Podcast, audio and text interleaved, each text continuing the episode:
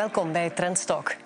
Nestlé is bij uitstek het grootste voedsel- en drankenconcern ter wereld. Van de 2000 merken die Nestlé op de markt brengt, zijn er 31 zogenaamde billion-dollar brands. Merken die meer dan een miljard aan omzet genereren. Denk aan Nespresso, Nescafé, KitKat, Vitel en Maggi, om er maar enkele te noemen. Gedurende acht jaar, of ruim acht jaar, stond een Belg aan het hoofd van de Zwitserse multinational. Sinds 2017 neemt hij de rol op van voorzitter van de Raad van Bestuur. Paul Bulke is vandaag de gast in Trendstok. Van harte welkom, meneer Bulke. En dank u wel om vanuit Zwitserland toch nog even hier bij ons te gast eh, te willen zijn bij Trendstok. Eerst even misschien de omvang van Nestlé wat schetsen voor onze luisteraars en onze kijkers. In 2022 uh, eh, heeft Nestlé een omzet gerealiseerd van 95 miljard euro. Om en bij 10 miljard winst gemaakt. Is ontegensprekelijk de marktleider. Komt nog net voor uh, PepsiCo. Andere concurrenten zijn Unilever, Mondelez. Um, ruim acht jaar was u kapitein op uh, het schip van Nestlé. In welke mate houdt u dan die concurrentie in het oog? En, of vaart u dan toch gewoon uw eigen koers? Nee, die houden we heel duidelijk in het oog. Trouwens, acht jaar, maar 44 jaar Nestlé. Dat is eigenlijk wat belangrijk is. En nee, maar we, zijn ook, uh, we zitten in verschillende categorieën. Verschillende categorieën hebben dus verschillende uh, concurrenten. En ja, dat wordt categorie per categorie bekeken. We willen wel ergens ook leiderschap hebben ergens, zodanig dat we dus eigenlijk ook uh, door onze innovatiekracht en interesses eigenlijk die categorieën kunnen mee uh, gestalte geven. Ja, u heeft het al over innovatie. Uh, bij Nestlé werken er zo'n 275.000 ja. mensen. Dat is bijzonder veel. 5.000 op de dienst van innovatie en R&D. Waar wordt dan voornamelijk onderzoek naar verricht? Wel, eerst innovatie bij ons en renovatie is, is, is een van onze topprioriteiten. Zo zijn we ontstaan, meer dan 155 jaar terug. En dat is eigenlijk de drijvende kracht en een, uh, een basis voor ons succes. Altijd permanent onze producten vernieuwen, maar ook de nieuwe inzichten beantwoorden met, met, met wetenschap. En uh, daarom 5000, 5500 mensen in onze uh, uh, ontwikkeling, dimensies, R&D. die zitten dan in, in, in Zwitserland, dat is onze basisresearch onderzoek. Daar hebben we verschillende departementen in. de voedselveiligheid is er één van. Voedselwetenschap. ook de, de Verpakkingen hebben we nieuw opgericht, want verpakkingen zijn een hele grote uitdaging. Ook onze regeneratieve landbouw is een andere.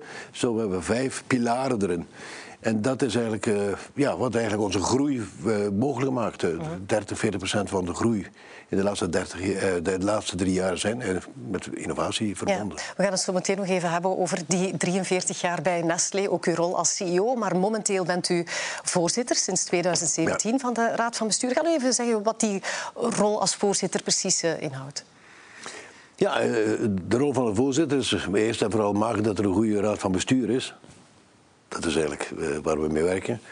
Maar vooral ook uh, de wat, de hoe en waarom van de onderneming maken dat het duidelijk uh, geformuleerd is. Dat het ook zin maakt, de strategie.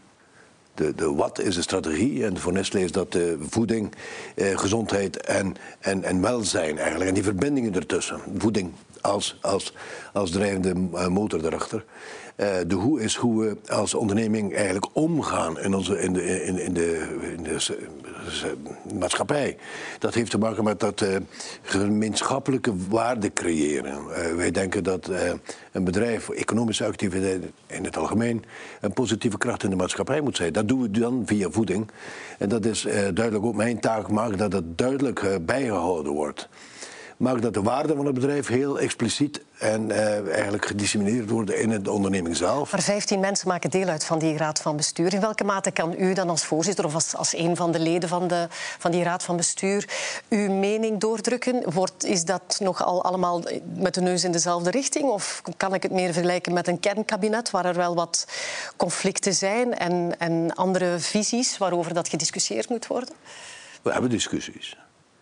Maar de, leden van het bestuur, van de raad van bestuur zijn eigenlijk ook, ook mensen, dat is ook mijn werk te maken, dat de mensen erin zitten die eigenlijk ook die strategie meeleven, verstaan en meeleven, dat die waarden ook gedeeld worden.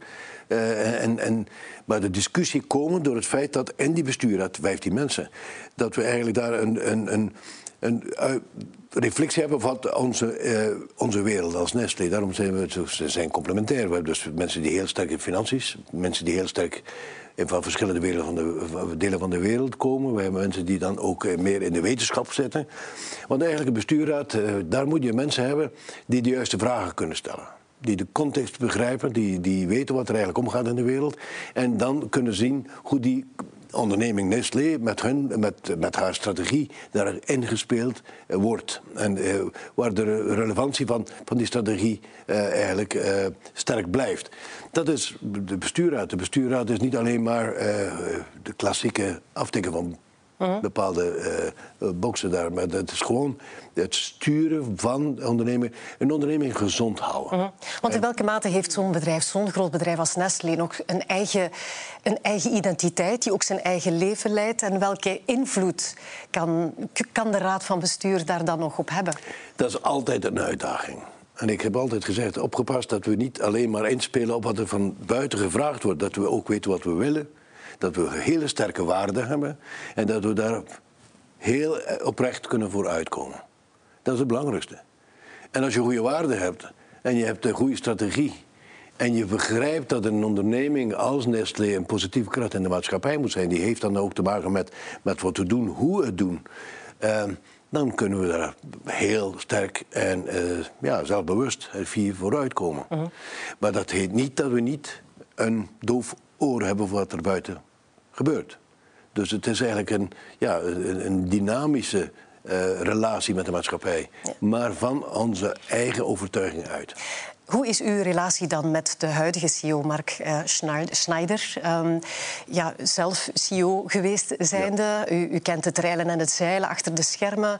U heeft alle connecties, een netwerk. Um, hoe, hoe is die relatie met meneer Schneider? Dat komt een beetje, die vraag komt een beetje uh, als ex-CEO, die soms in vraag gesteld wordt. Hoe gaat het dan met de nieuwe CEO? Wel, uh, het gaat heel goed. Hij is ook gans anders dan ik, dus we zijn yin-yang. Het gaat heel goed. En in welke zin zijn jullie dan anders, als u dat zo... Karakterieel en zo. Ja. En, en, hij komt ook van buiten. En, en dat was een, is een uitdaging. En dan als ex-CEO kan ik dan misschien uh, een uh, overdreven rol blijven spelen. Zo, u begrijpt wat die CEO's dan, dan denken aan hun legacy. En, -huh. en, rustig blijven. Dat is niet een van mijn interesses. Als ik zeg, je wordt chairman, dus, dus voorzitter, dat is de neus erin houden, maar handen eruit. En ik moet eerlijk zeggen... Nou, maar hoe makkelijk of moeilijk is dat? Want u heeft wel, u zegt legacy, maar u heeft toch als CEO toch in zekere zin uw stempel willen drukken. En u heeft daar ook de tijd voor gehad, hè, bijna negen jaar. Ja, daar zijn we dan wil u dat toch eh, dat dat wordt verder gezet? Toen ik CEO werd, was de ex-CEO chairman geworden. En dat heeft altijd heel goed gewerkt. Want je hebt als voorzitter iemand die het bedrijf in en uit kent en die afstand kan nemen. En toch heb je dat, uh, dat klankbord voor je. Dat je eigenlijk. Want je staat nooit alleen. Uh, dus dat is een voordeel die ik eigenlijk ook aan de nieuwe CEO wil geven. En, en, en, en er is een fundamentele uh, gedrag van, van mensen bij Nestlé. Ze zijn daar voor, voor, voor Nestlé en niet omgekeerd. U begrijpt waar ik het over heb. Je hebt heel wat mogelijke managers met ego-trips. En, en het bedrijf is daar om hen enzovoort. Dat zijn we dus helemaal niet. we zijn daar voor het bedrijf. Ik zit er nu al 3, 44 jaar in. en, en dat is mijn rol nu ook. we zien elkaar heel vaak. En in het begin was dat meer van, ja, waarom dit en waarom dat? Dat geeft dus ergens ook. We hebben dus een hele goede continuïteit in strategie. De waarden zijn dezelfde. Uh, en de realiteit zijn andere. Maar de strategie blijft doorgevoerd. Er is continuïteit. Dat had ik toen ik CEO werd. En dat hebben we nu ook. Uh -huh. Nestlé pakt uh, heel erg uit met het feit dat ze klimaatneutraal willen worden. Hè. Ze hebben dat ja. engagement aangegaan om tegen 2050 um, uh, koolstofneutraal te zijn. Ze hebben daar een, een, parcours naar. 2025 zijn er doelstellingen, 2030 50 procent reductie van, van uitstoot ten opzichte van uh, 2018. Hoe willen jullie dat realiseren? Ik, ik vermeldde daar straks al 2000 producten, um, fabrieken over de hele wereld, uh, veel met landbouw te maken. Dus hoe, hoe wil u dat realiseren? Dat is eigenlijk ja, een, een belofte eigenlijk, uh, die, die ons verplicht. Dat hebben we gezegd, want eigenlijk waren we al jaren bezig met veel van deze investeringen te doen, die ook klimaatneutraal bijbrengen. Um, en, en, en, en, dan hebben we ook die algemene 2050 nul. En dan zeggen we, ja, we moeten, en daar hebben we jaren gerekend. We hebben gezegd, dat willen we doen. En we hebben jaren gerekend, hoe kunnen we dat allemaal doen? We hadden al veel eigenlijk die, die in die richting ging. Um, hebben gezegd, ja, dat, uh, we hebben eigenlijk toen niet alleen 2050 uh, gezegd, we hebben ook 2030 gezegd, uh, 50 procent. Uh -huh. En 2025, 25 procent. -huh. um, en dan hebben we al die, al die initiatieven die we toen al hadden, eigenlijk daarop aangestuurd. Want uh, die, die, die, die belofte nakomen verplicht ons ook nu. Hè? En, en het is mogelijk. Het is wel. Het, het zal heel wat inspanningen vragen, maar het is mogelijk. En dat doen we eigenlijk. Dat is een beetje in de, eh, in de sfeer die je nu. Maar ik vind het persoonlijk als iets dat een onderneming als Nestlé die moet zich daarvoor kunnen verplichten. Ja, wanneer heeft u de kentering gezien binnen Nestlé dat er meer werd ingezet op uh, duurzaamheid? Want ja, u werkte er zo lang.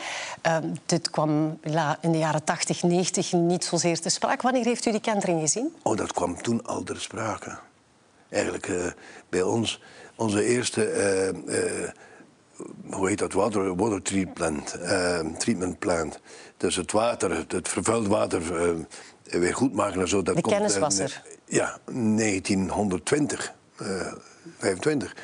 Dat was ook geen wet, nog niks. We, dat, wij zijn een onderneming die lange, op lange termijn denkt. Als je op lange termijn denkt, dan gaan die dingen eigenlijk vanzelf komen. Uh -huh.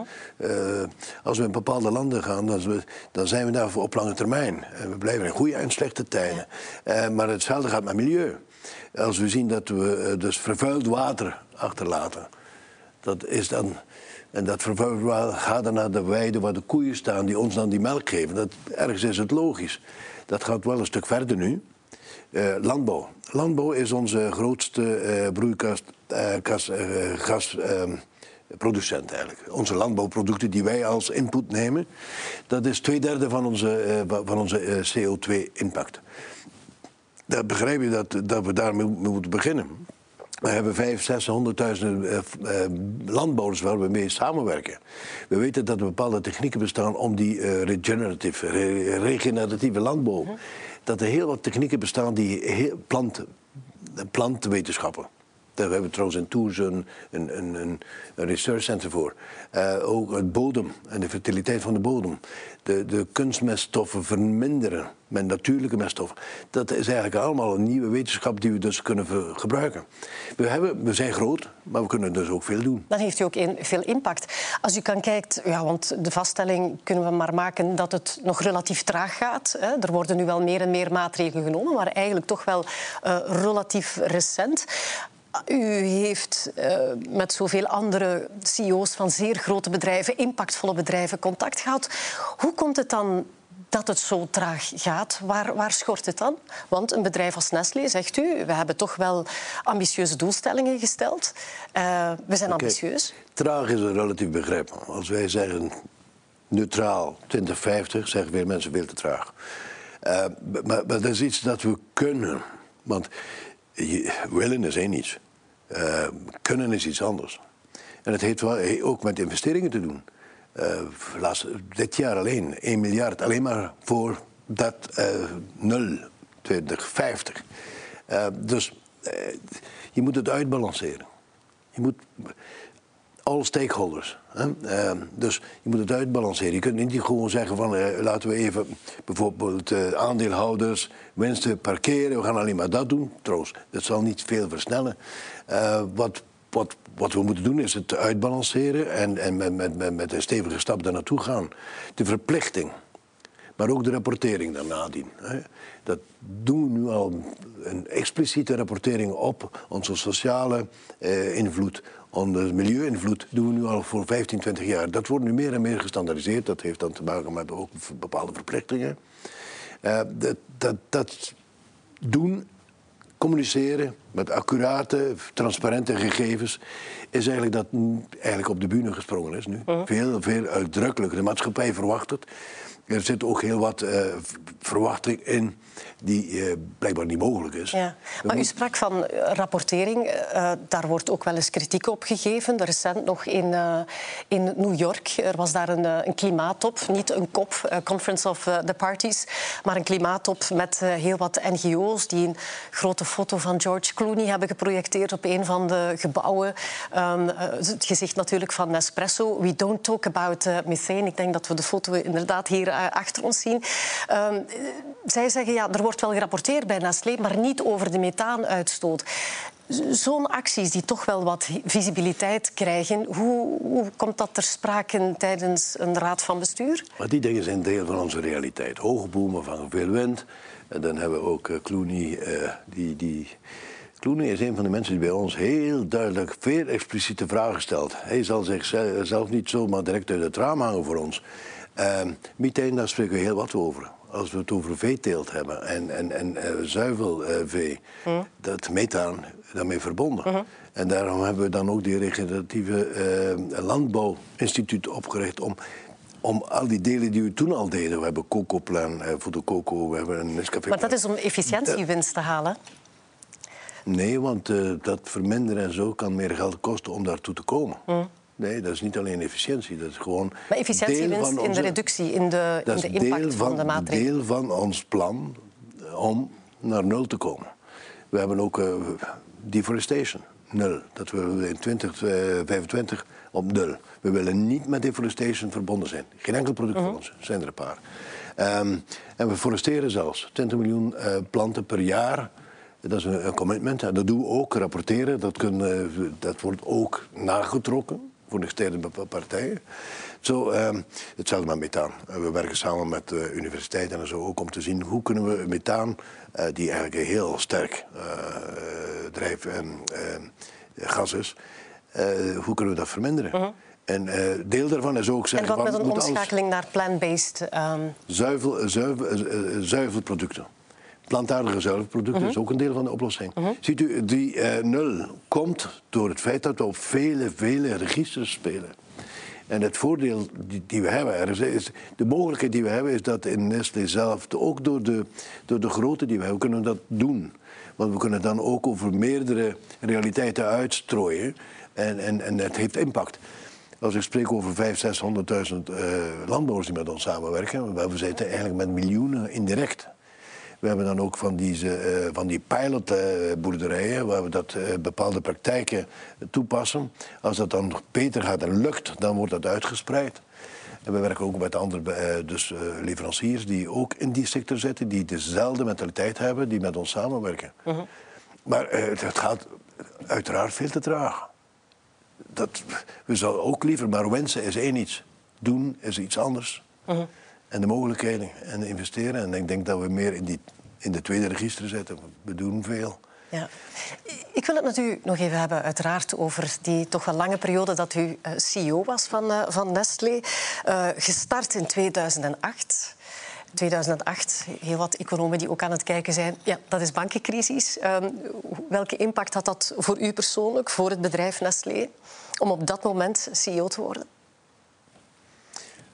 Kan maar alleen nadien beter gaan. Er was een grote crisis. Eigenlijk de financiële crisis, ook door het feit dat we nu COVID en andere dingen hebben, we zijn een beetje vergeten. Maar dat was een hele grote crisis. De hele financiële sector was eigenlijk eh, op zijn kop gezet. En dat had dus eigenlijk ook eh, gevolgen dan op de economie, de mensen, onzekerheid en van die dingen meer. Maar, dus eh, toen ik CEO werd, eh, was gewoon eerst de strategie verder volgen en expliciet maken. Ehm, de, de crisis doorstaan uh, en niet in de val lopen van, ja, er is geen groei. Er was niet zoveel groei. De mensen die... die um, uh, en toch blijven investeren in onze merken. Toch blijven investeren in, in, in, onze, in, onze, in ons onderzoek en ontwikkeling. Waarom? Omdat het eigenlijk de, het levensbloed van een onderneming is. En dan kun je op korte termijn, we zijn altijd lange termijn, maar op korte termijn kun je dat korten direct marges geven. Dat was eigenlijk wat gevraagd werd, korte termijn. Die crisis in 2008 was gewoon een waardecrisis. de korte termijn heeft de overhand gekregen weer van lange termijn.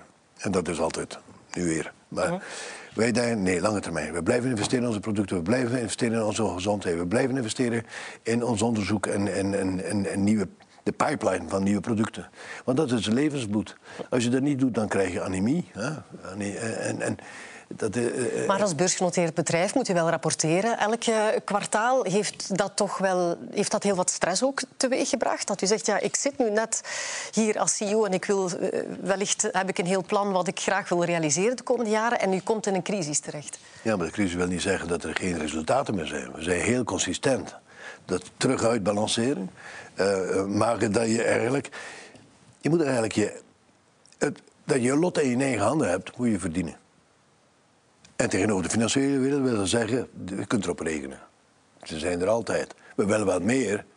En dan moet je dan vooruitkomen. Jullie willen meer, maar we gaan niet meer geven. We investeren, A, B, C. En, en, en dat, dat, ja, dat vertrouwen moet je creëren. En Nestlé is wel gekend ervoor. Die denken altijd lange termijn. Uh, uh, die, die, die gaan ook niet direct van de eerste druk gans hun, hun, hun, strategie veranderen en zo van die dingen meer. Ze hebben een goede strategie. Dat vertrouwen win je. En, en dat is eigenlijk ook de rol van een CEO. Uh, eh, dat blijven behouden. Maar dat komt ook door het feit dat, bepaalde, dat de resultaten stug komen. Misschien niet zoveel als ze willen, maar dat is altijd. Maakt dat de job spannend? Ja, boeiend eigenlijk wel. Uitdagend, boeiend. Uh, maar ja, dat, uh, ja, ik heb ervan genoten toch ergens. Ja, ja toch. Want u bent nog wel vaker uh, crisismanager moeten zijn. In 2015 was er in India een, uh, een grote crisis met de, de, de, de noedels, de Maggi-noedels, waar dat lood, onder andere lood in zat. Um, dat is uiteindelijk geëindigd met 400 miljoen pakjes die, moeten, die uit de markt zijn gehaald. Hoe kijkt u daarop terug? Het slechtste dat ons kan overkomen is dat de consument, of algemeen de eh, gemeenschap, het vertrouwen in onze producten verliest. En dat was het geval in Indië. U zegt dat er lood in zat. Nee, het werd gezegd dat er lood in zat. Uh, dat hebben we dan direct getest. Dat was eigenlijk een probleem die al aan, het studderen was. In het land zelf. En uh, dat, toen, ik, toen we dat in, te horen kregen... Uh, stond het de dag nadien al vrij in de pers. Nationaal gezien. Het begon in een van de uh, staten, maar dat was dan nationaal. Ehm, en dat was groot. Noedels is vrij groot. Mhm. en, en, en dat was een symbool voor Nestlé daar. Dus het Nestlé stond eigenlijk uh, uh, zijn vertrouwen te verliezen. Dat is dan, uh, zoals ze goed zeggen in Duits, chefzaken. Dat is dan, ben ik direct in een vliegtuig gestapt, daar naartoe. En, en, dan, met ook in mijn achterhoofd hadden we alles bekeken. Er zat geen lood in.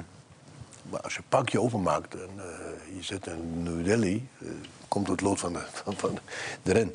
Uh, dus het staat er niet in, maar ook is er gekomen. Blijkbaar. Uh, ik denk dat het een... Maar denkt u dan dat de, de Indische overheid, uh, nee. Indiaanse overheid, daar lichtzinnig is mee omgegaan? Nee, of is het... en dat was het grote punt. Dan heb ik daar een persconferentie moeten doen en gezegd van... we hadden we toen al gecommuniceerd dat we alles terugnamen. En de lijn was, ons product is veilig. Maar er is, er is twijfel. Het is geen duidelijkheid. Er zijn verschillende opinies. En dat willen we de consumenten niet aandoen. In, in, in die sfeer ons product opleggen doen we niet. We nemen alles terug tot, alles, tot, uh, tot, tot, tot, tot, het stand gedaald is terug. En dat we duidelijk uh, spraken en, en, en, in vertrouwen kunnen werken. Uh, dat hebben we dan toe gedaan. 400 miljoen pakjes, vijf fabrieken stilgelegd, zes, zes maanden. Uh-huh. Dat zijn geen makkelijke beslissingen, maar hoe vol gaat het om iets dat heel belangrijk is. Het vertrouwen in ons product. Het vertrouwen in onze onderneming. Dat was niet alleen Indië. Dat gaat direct nu tegenwoordig heel wat sneller internationaal. Als we niet reageren, als we dat niet hadden gedaan. En blijven zibbelen of uh, uh, twijfelen en, en discussiëren. Dat was geen kwaliteitsprobleem. Dat was een politisch probleem. Waar u als CEO ook mee te maken heeft gehad, dat zijn eh, activistische aandeelhouders. Hè. Onder andere Daniel Loep, de bekende man, uh, eigenaar van hedgefonds uh, Third Point. komt uit de familie van Mattel, heeft heel wat middelen, heeft zich ingekocht en heeft ook wel het beleid wat activistische aandeelhouders doen, hebben hun eigen agenda. Hoe gaat u daarmee om? Kijk, een activist, een investor is een aandeelhouder. We hebben er veel. Maar iemand die wel impact heeft. en alle, wij luisteren naar alle aandeelhouders. Ik heb vrij veel contact met aandeelhouders. dat is een beetje ook mijn rol om te weten waar, hoe, hoe, is de sfeer daaruit? En je hebt een bepaalde aandeelhouders die een beetje luider spreken, die bepaalde eh, sterkere oordelen hebben. En, maar dat is deel van onze discussie die we met iedereen hebben. Die is gewoon een beetje sterker, overtuigender over wat hij denkt. En dan moet je dan uitpraten, zien, uh, zeggen waarom wij dat anders zien en dat, uh, maken dat dat ook gekend is. Door maar onder die druk van activistische aandeelhouders kan dit kan wel leiden tot het ontslag zelfs van een uh, CEO, zoals het geval is geweest met Emmanuel Faber van, van Danone, die uiteindelijk is moeten opstappen. Dus u moet dan toch wel ergens tegemoet komen. Dus hoeveel wil u toegeven aan de eisen van zo'n activistische aandeelhouders? Misschien niet uh, tegemoet komen, maar overtuigen. Bij ons is dat dus niet gebeurd. Hm. Ik ben er nog altijd. Ja. Goed, u, u, zei daar straks 43 jaar bij. U bent in 1979 gestart hè, als jonge knaap bij, uh, bij, bij Nestlé. Als u terugkijkt naar de jaren 80, 90 en hoe dat het u heeft zien evolueren naar de dag van vandaag, wil ik het even hebben over de genderverhouding uh, binnen bedrijven. Hè. Um, ik weet niet, ik heb geen cijfers kunnen terugvinden hoe het was in de jaren 80, 90, maar doorgaans waren er toen in de raden van bestuur en nog altijd heel weinig uh, vrouwen, ook aan, als, op de post van, van CEO. Hoe heeft u dat zien evolueren? Want nu zijn er vijf vrouwen van de vijftien, zijn uh, vijf leden van de raad van bestuur zijn, uh, zijn, zijn vrouwen. Dat is 30 procent. Dat is ook wat het, het minimum oplegt binnen, binnen de Zwitserse wetgeving. Wat heeft ertoe bijgedragen, volgens u, want u heeft heel die periode meegemaakt, dat er toch meer instroom was van uh, vrouwen? Twee dingen. Dat we meer vrouwen willen en dat er meer vrouwen zijn die dat willen doen. Uh, dat is inderdaad gegroeid, maar toen de tijd, toen ik begon, waren er ook al uh, één of twee vrouwen in onze bestuur, raad van bestuur hoor. En nu hebben we er vijf. Maar eh, ik vind persoonlijk ook als een bedrijf, voedingsbedrijf, eh, vrouwen hebben die eh, voeding. het maakt ook zin. Ik vind dat de beslissingen beter zijn. maar wat je wel moet doen, is dan maken dat de vrouwen die we hebben in onze bestuur, in onze uitvoerende. Uh, comité, uitvoerend comité, moeten we maken dat die dus de ervaring hebben. En, en, en, dat wordt eigenlijk, ja, ook, die condities worden ook gecreëerd of geschapen of, om, uh, om, om, om die talenten te krijgen dan. En dat is eigenlijk wat gebeurd is. Uh mhm. -huh. Dat is ook iets dat ook in de maatschappij uh, weer verwacht wordt. Maar dat is niet wat verwacht wordt. Ik ben overtuigd dat de beslissingen beter zijn. En hoe kijkt u dan naar quota's die opgelegd zijn door de jaren heen zijn die wel geïnstalleerd. Vroeger was het meer, het moet via soft law, het moet via de, de druk en maatschappelijke druk gebeuren en, en, bewustwording, overtuiging. Op een bepaald moment hebben politici toch wel gezegd van, ook binnen Europa, de Zwitserse uh, regering dat hetzelfde. Ja. Dat doen politici graag, opleggen. En, uh, maar misschien heeft dat de, eh, de, druk verhoogd om het te doen. Want als het opgelegd wordt. Uh, zo, in, in, Zwitserland hebben we dat ook. Dat komt nu ook. En als je er dan niet bent, moet je, eh, moet je uitleg geven. Uh, we zijn er. Ik moet dus geen uitleg geven. -huh. Oké, nog kort even een laatste topic dat ik nog uh, wil bespreken. U bent ook voorzitter van de Community of Chairpersons op het World Economic Forum. Um, wat, wat, doet dat comité van voorzitters en welke bedrijven zitten daarin? Welke thema's worden daar besproken? Maar eigenlijk veel thema's die we net besproken hebben. Eigenlijk. Want uh, in, in, die in community, dat is eigenlijk een vrij los uh, uh, groep van mensen. wie mag die verbonden aanschuiven zijn. Aan, aan tafel? Daar is een bepaalde selectie voor. en we willen daar ook die ja, geopolitische of geo vertegenwoordiging hebben, zodat we daar een groep hebben van mensen die eigenlijk de realiteit van verschillende hoeken zien. Want als wij, Westerse of Europeanen of Amerikanen, alleen maar eh, Amerikanen of Europeanen erin zetten, dan, dan krijg je eigenlijk al het, het, lezen van de realiteit altijd van dezelfde hoek. Daarom hebben we dus mensen van uh, bedrijven uit Indië en, en uh, Zuid-Amerika en uit Azië enzovoort, die zitten daarin. En dan krijg je eigenlijk, dan deel je dezelfde uitdagingen de, de, die, die we allemaal hebben. Dat delen eigenlijk de verschillende invalshoeken, hoe daar mensen mee omgaan. Dus heel verrijkend. Wat leert u daarvan? Wat leert u daarvan? Ook context. Je het denken in context. Denken in context, wel, ik denk ook bijvoorbeeld in het Westen, denken we dat, uh, dat wij de waarheid in pacht hebben. Uh, dan hoor je de, hoe die mensen daar omgaan met hun bedrijven en zo. Of van een Hans nieuwe, andere hoek ook, die ook zijn waarde heeft. Dus leer je, en dat is wel nuttig voor bedrijf als Nestlé, die overal is, uh, die, die context zien. Trouwens, dat is een van onze waarden ook. Hè. Onze waarden zijn gebaseerd op respect. Zelfrespect eerst, dat vergeten we veel. Maar dan respect voor de anderen en respect voor diversiteit. En uh, in Nestlé zelf hebben we in ons hoofdkwartier 100 nationaliteiten. Dus heb je dat ook al daar zitten. Die communi uh, Chairman's Community geeft dat ook op een ander niveau. En dan spreken we over artificiële intelligentie. Wat betekent dat voor ons, voor de wereld? In welke richting gaat dat? Geopolitische spanningen. Hoe zien we dat? Je begrijpt, er zijn heel wat thema's nu. Ja, wordt er ook gesproken over mogelijke oplossingen en welke rol dan bedrijven daarin kunnen spelen? Oh ja, de oplossingen. Dat zijn grote problemen die niet direct een oplossing hebben. Ik denk dat het meer het bewust worden, de context. Maar bedrijven die zo groot zijn, zoals bijvoorbeeld Nestlé, kunnen wel een heel grote impact hebben. Dan, je hebt andere uh, uh, groepen, uh, van professionele groepen, die dat bijvoorbeeld kunnen doen. Voedsel. Het verlies van voedsel. 30% van voedsel wordt verloren. We spreken dat we dus daar een groot verlies op hebben. En zo is het goed voor het milieu. Daar hebben bijvoorbeeld alle collega's, andere bedrijven, zeggen van we zullen dat in de helft, tot de helft brengen in tien jaar tijd. De, en daar wordt er ook, uh, die, die, die, verplichtingen, die gaan zich dan ook vertalen in de bedrijven. Die, en dan zijn daar vrij grote bedrijven die dat doen. Als je het allemaal samentelt, relatief klein nog altijd in de wereld. Maar het voorbeeld heeft ook zijn, zijn waarde. En dat ja, motiveert dan anderen. En, dat, dat, dat, zijn concrete. In die community of chairman is meer inderdaad een groep mensen die zich ja, discussies uh, bijbrengt, context, en dat vertalen in hun onderneming of zo. Of ja, ook dus ook zien dat alle uitdagingen die we hebben, die eigenlijk, we zijn niet alleen. Ja, tot slot, hoe kijkt u naar de toekomst? Ook. Vandaag hebben we zo'n beetje het gevoel dat alles op zijn kop staat, uh, omdat er veel wat we hebben altijd uh, onzekerheden gehad, we hebben altijd uh, complexiteit gehad. Ik denk dat vandaag die ambiguïteit heet dat. Een beetje sterker is. Dat wil zeggen van wat goed was gisteren is niet meer goed, maar ook niet slecht. Wat juist was gisteren is niet meer juist, maar ook niet vals. En daar heb je geen.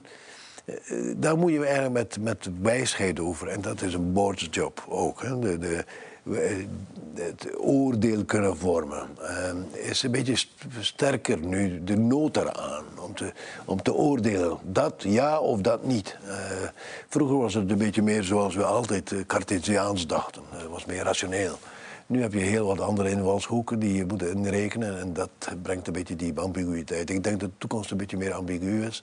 Maar ik geloof in de, in de sterkte van de mensheid. In de zin van oplossingen vinden. De, de, de, de, de, de wetenschap gaat zo snel vooruit. Ook in voeding, in, in, gezondheid. En, en hoe voeding met gezondheid verbonden is. En die gaat zo snel vooruit. En er is zoveel. Kijk, uh, ja, iedereen die geboren wordt, gaat met al die nieuwe kracht, met al die nieuwe positieve uh, krachten. Dus met andere woorden, ik ben eigenlijk nog altijd een positief ja. uh, optimist. Moet man. En ik hoop dat u gelijk gaat hebben ja, dat we inderdaad kunnen rekenen op die technologische ontwikkelingen en, en, die ons nog te wachten staan. Ik wil u van harte bedanken voor uw komst naar ons. Graag gedaan. Dank u wel. Volgende week neemt collega Jozef van Gelder hier plaats. Zijn gast is Peter Adams, CEO van ING België. De bank kwam recent nog in het nieuws met de aankondiging oudere werknemers betaald thuis te zetten. Een beslissing die stof deed opwaaien. Volgende week verneemt u er meer over in Trendstalk. Voor nu bedankt voor het kijken of luisteren als podcast. En graag tot een volgende keer.